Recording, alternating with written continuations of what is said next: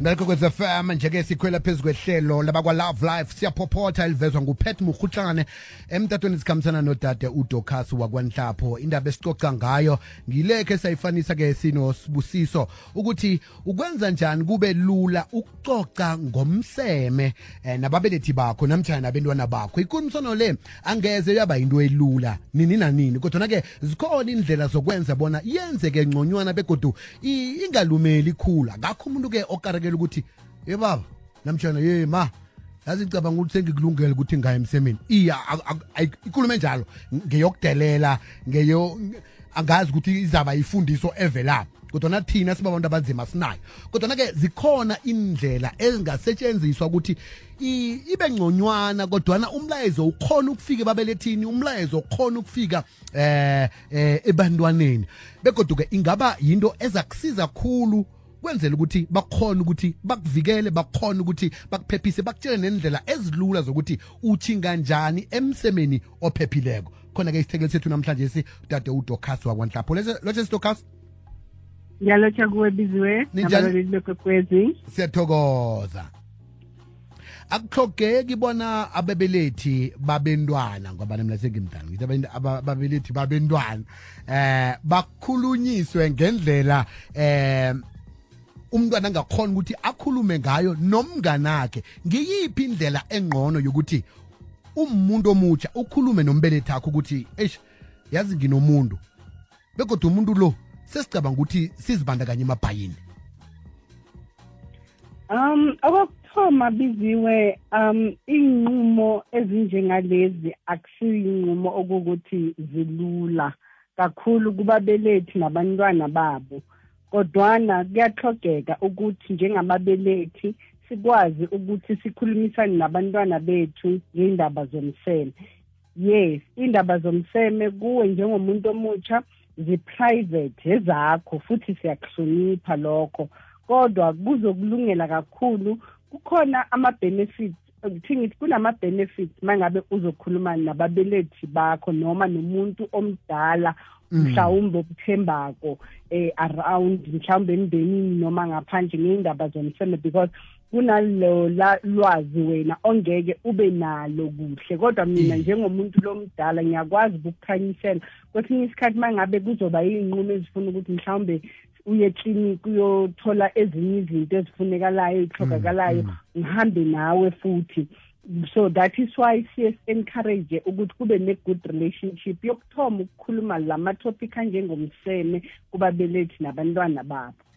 Sesidokhasi ngiba ungibambele njalo siye umeni le ndaba. Nasibuyako kusitshele ukuthi ngisiphi isikhathi esikulungeleke ukuthi-ke singakhuluma ngaso nabenta bethu ngendaba omseme begodu sikwenzela kuphi lo kamrweni endleleni egrawundini ngiba usibambele njalo usalungisa problem ulalele ikwekwezi fm abantu abasuke emnyameni. Emnyameni. Umnyama awunandwele. Lalela umrhatsho okukhanyisela 27 ikwekweziyafel nangembalasithi tshide emnyameni nandwehle ngapho. Vela emkhanyweni ukhona ukuthola ilwazi elifaneleko nekulilwazi elinembako. Ngendaba esikhuluma ngayo namhlanje si eh, nodade udokhas wakwanhlapho sicoca ngendaba ukuthi siyenza njani ikulumo ibe lula ukuthi sikhulume nababelethi nababelethi bethu ngomseme namtjana sikhulume nabentwa bethu ngomseme. Ngiyakhu- ngiyacabanga ukuthi-ke usawukhumbula umbuzo wethu ukuthi siyikhulumaphi nini indaba le? Um biziwe into eqakathekileko kubabelethi bethu kumele bayazi ukuthi mangabe ngizothi kubo khuluma naye ntambama noma khuluma naye ekuseni emini ekamereni kuphi angeke yenzeke biziwe angeke Mm, mm. into yo- eqakathekileko ukuthi njengombelethi sebenzisa ithuba elivelako em ukukhulumisana nomntwana wakho ngendaba zomseme ulibona kanjani ithuba? Ubona ngokuthi umntwana wakho uzoza kuwe abuza imibuzo angithi umntwana wakho uyamazi Iye. ne-behavior yakhe ne-attitude. So unendlela yokungena. So njengombelethi kula umele ubone khona ukuthi oh lo useke funa ukukhuluma manje indaba zokuthi unomuntu uyadata ufuna ukukhuluma nalezo into neindaba zomhlaba. Ungam-ignori umntana wakho ungamdinekeli ungampheleli inhliziyo uthi sekebuza izinto zabantu abadala. Ithuba lakho lokuthi u-educate umntwana nikwazi ukubheka ukuthi wena naye ninalo ulwazi olufanayo. Mangabe lungafani kunama-gaps abakhona. Hamba nomntwana wakho or encourage ukuthi hayi mhlambe mongabhali i-exam or ngama-school holidays mina nawe sizochinga ekliniki mhlambe siyokhuluma mhlambe nosister cacisele kahle. Ngalo mbuzo ongibuza wona ngoba mina anginayo impendulo okwamanje.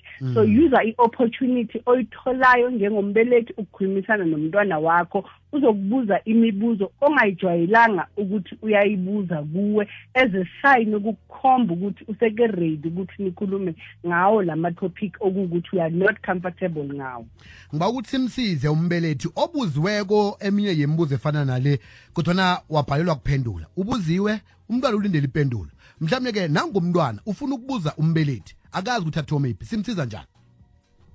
Umntwana ukuthi abuze umbelethi kuyo- kuyo- kuyo- kuyo- kuyokunceda kakhulu njengomuntu omutsha ukuthi eh siye sithi use what we call developer i-skill noma eh sebenzisa ama usmart usmart is for smart choices. Khumbula ukuthi njengomuntu omusha ukwi-development stage sakho sama-adolescent so you want to do ama-smart decisions and smart choices angithi so part of that is it's an education esinika yona. Ikhona esikoleni lo mhlambe esikoleni ngenxa yokuthi sibaningi siyigroup angeke ngiyi-personalize kangaka ngoba angifuni ukubonisa abakhozi bami ukuthi ngathi ngine-interest or sengiyazi angithi so laphaya on your own umbelethi wakho uyamazi ukuthi bathi are you woke or what? Ne? So ngizokwazi ukuthoma ngimbuza oh my brother it doesn't have to ukuthi kuba ababelethi masingayi-restrictini ne? Mm, because mm. we are a community as abantu okay? But uyamazi umuntu lo ongathi uthe ukukhula kunawo owaziyo ukuthi uma umtshela ngey'ndaba zama-girlfriend boyfriend akakujaji because the last thing you need is a person ozokujaja khululeka umbuzo be more assertive. The assertiveness will even encourage i-behavior yakho ne-attitude and making ama-smart decisions or choices in life njengomuntu omuhle so be assertive inkulumo yakho nangama-questions wakho. Ma u-love life ukhona mabakhulumisane nathi amakhansela ka-love life. Mabasend i-call back ngisho nababelethi mebengabe banemibuzo abantwana bababuze yona abakwazanga ukuthi bayiphendule sikhona for that reason love life exists for that. We are a gap in between so make use of love life. Sisendeleni i-call back ku-083 323 1023 nikhulumisane nama-counselors wethu ukuthi nikwazi ukuthi siriche leya gap noma bangachinga-ke ku-facebook page yethu biziwe la bangakwazi ukuthi inbox akhona sesinayo i-app e-extendwa ugovernment siyibiza ukuthi i-be wise u-be wise u- kakhulu kweze-health kwe- kwezomseme kuma-sti lapho u-be wise kunanama-nurse clinical nurses aba-online uyakwazi nokuchatha nabo. So uyabona ukuthi ninama-platform amaningi njengabantu abasha nosithokoze khuluma mbala sisidocas sakhuluma kodwa ngomvulo zako. Ngiyacabanga ukuthi-ke umlaleli usizeke khulu ngesihloko sanamhlanje si. Siyathokoza nathi Bisi. ahake. Silivala lapho-ke labakwa-love life. Ngiyathemba ukuthi-ke uzuzile nawe ngapho. Qobe ngomvulo ngalesi sikhathi vane sicoce nabo ngenhloko ezahlukahlukeneko ezikusiza kumbelethi ezikusizako umuntu omutsha siyakwamukela ehlelweni elithumbe unongorwana. 2021 radio awards best afternoon drive show pbs